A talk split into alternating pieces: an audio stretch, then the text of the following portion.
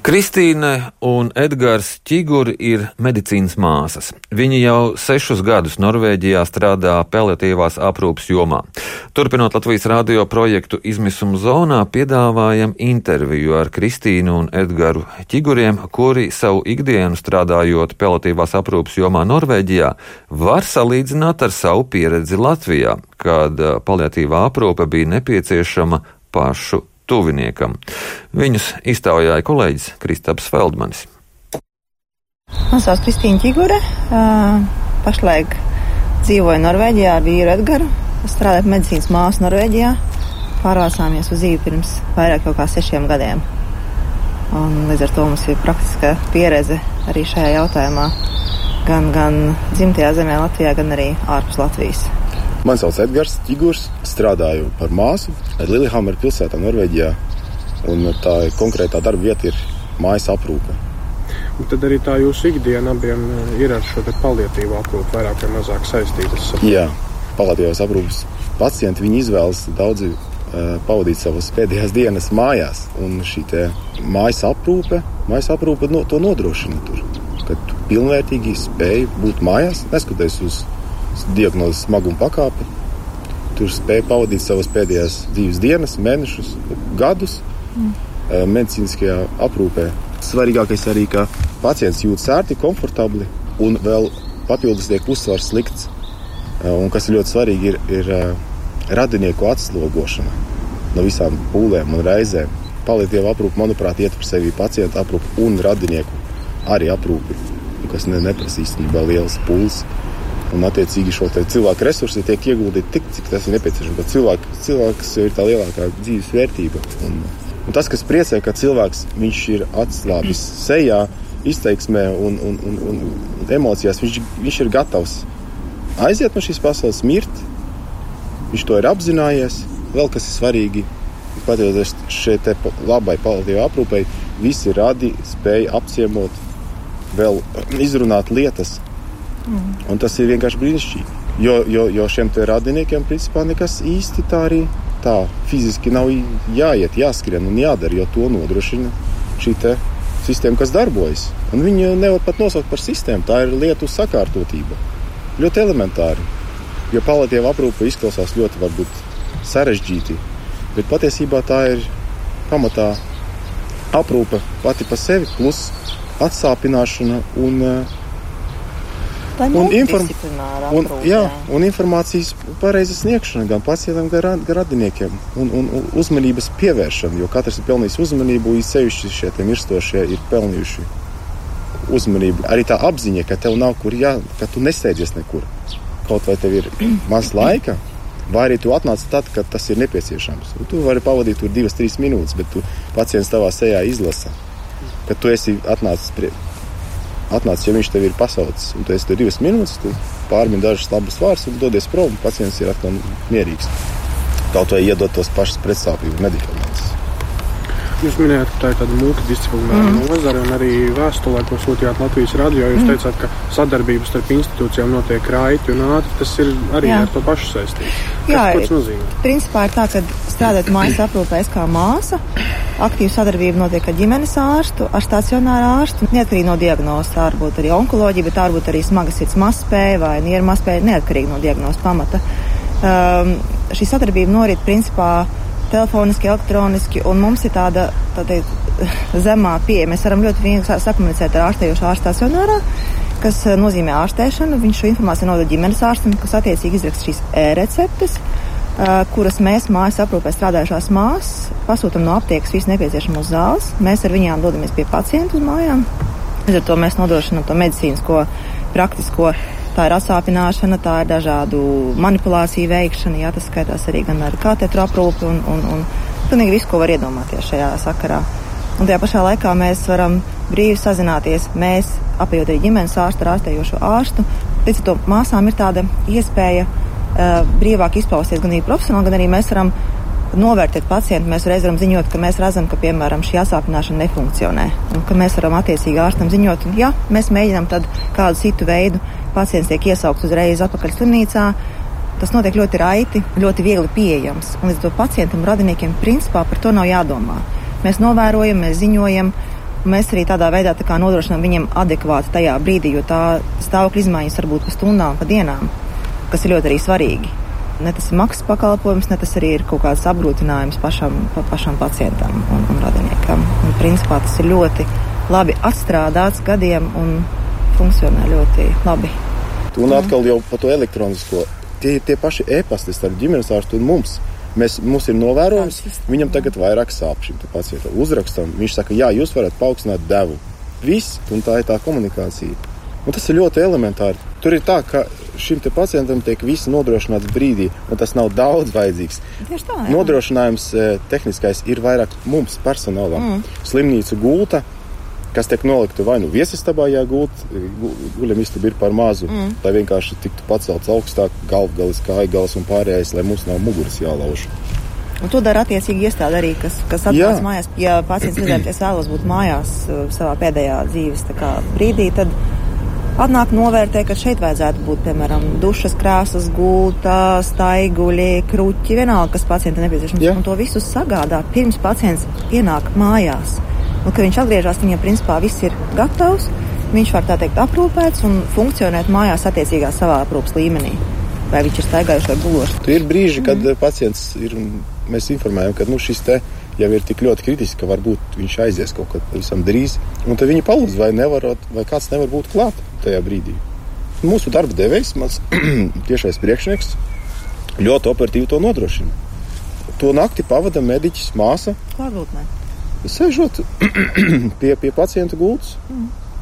Un tā ir tikai viena tā teikt, naktas dežūra, mm. bet tas ir nenovērtējami.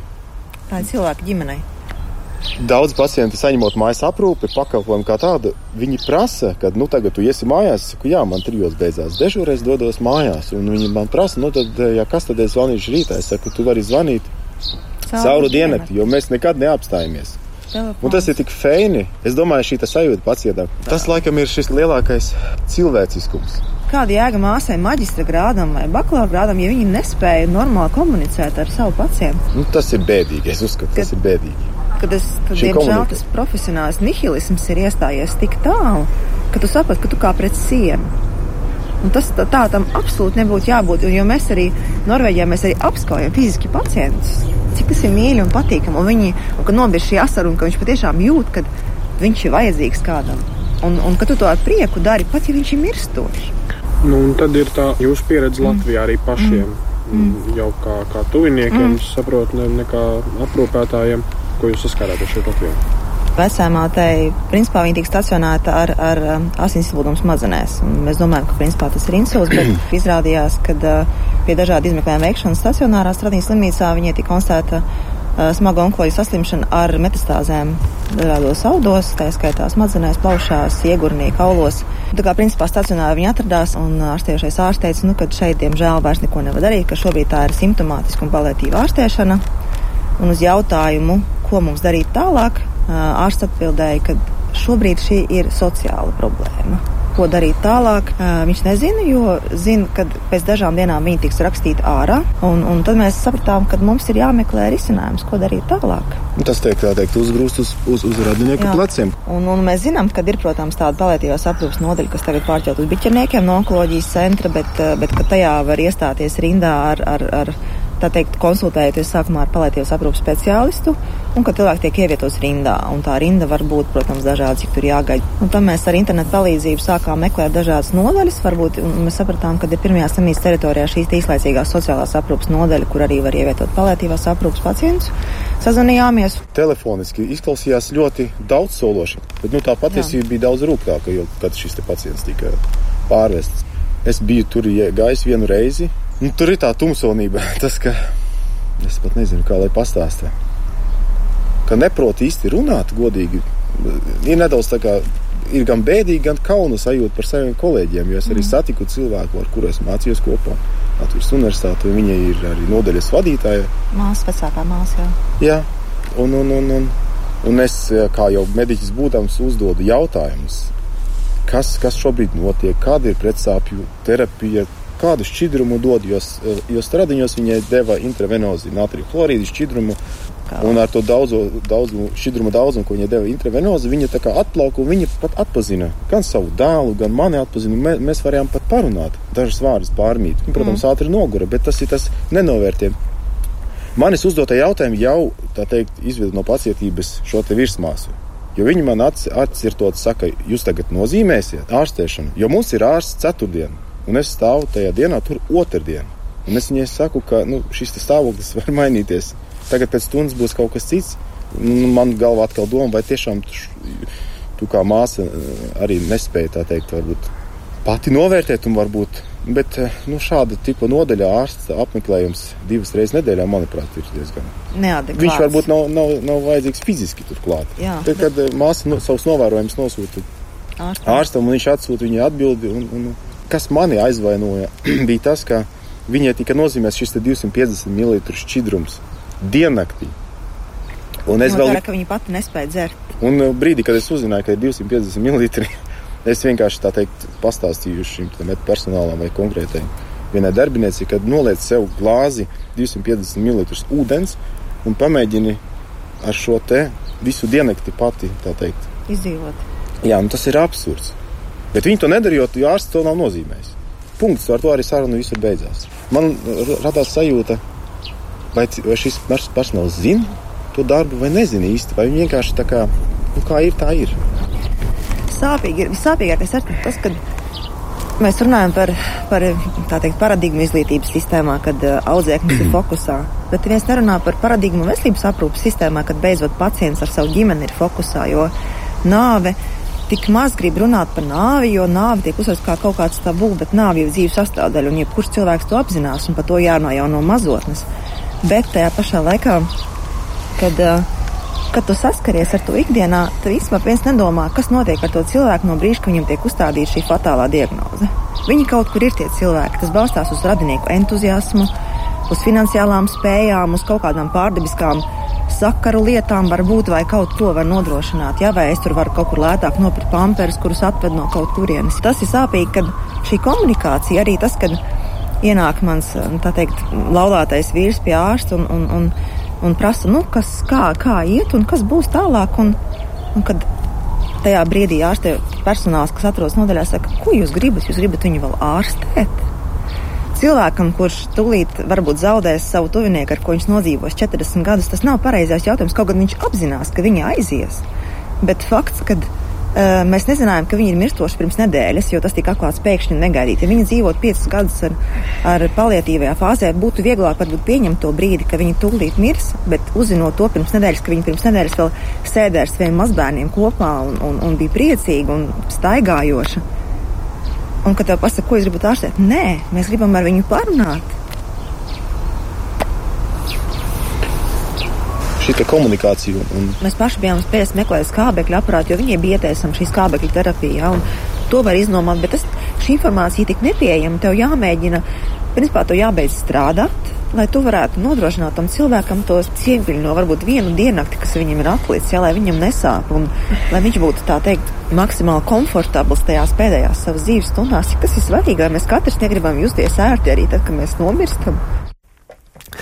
Tā bija saruna ar Kristīnu un Edgars Čiguriem, kuri strādā paliatīvās aprūpas jomā Norvēģijā. Viņus izvaicāja Kristaps Feldmanis.